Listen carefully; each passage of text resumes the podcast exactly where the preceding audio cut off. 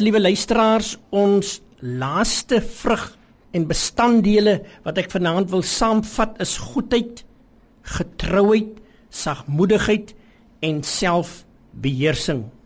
In 1 Korintiërs 15 vers 10 leer ons: "Maar deur die genade van God is ek wat ek is, en sy genade aan my was nie te vergeefs nie, maar ek het oorvloediger gearbei as hulle almal, nogtans nie ek nie, maar die genade van God wat met my is."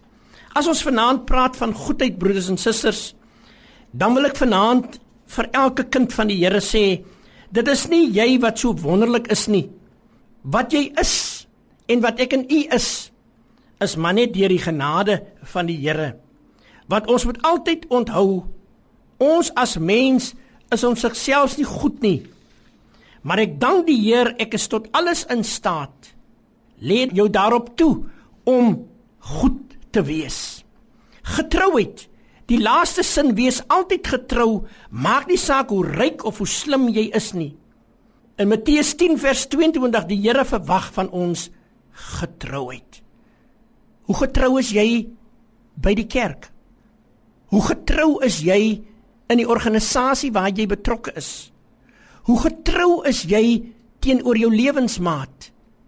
Hoe getrou is jy in jou verhouding? Kom ons bid die Here vanaand vir getrouheid. Sagmoedigheid. Sagmoedigheid en vriendelikheid loop hand aan hand. Bewys sagmoedigheid aan alle mense.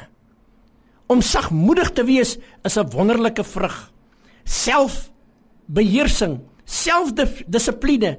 As jy nie selfdissipline het nie, kan jy dit ook nie toepas nie. Baie groot waarskuwings oor skeltaal wat altyd net wil lelik wees.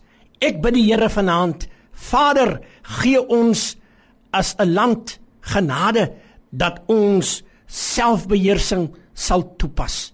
Dit is my gebed, liewe luisteraar, dat u hierdie week se boodskapies wat bedien is, dat God met u gedeel het en ook met my en dat ons nader aan die Here sal kom. Kom ons bid saam. Dankie Vader vir u lieflike woord.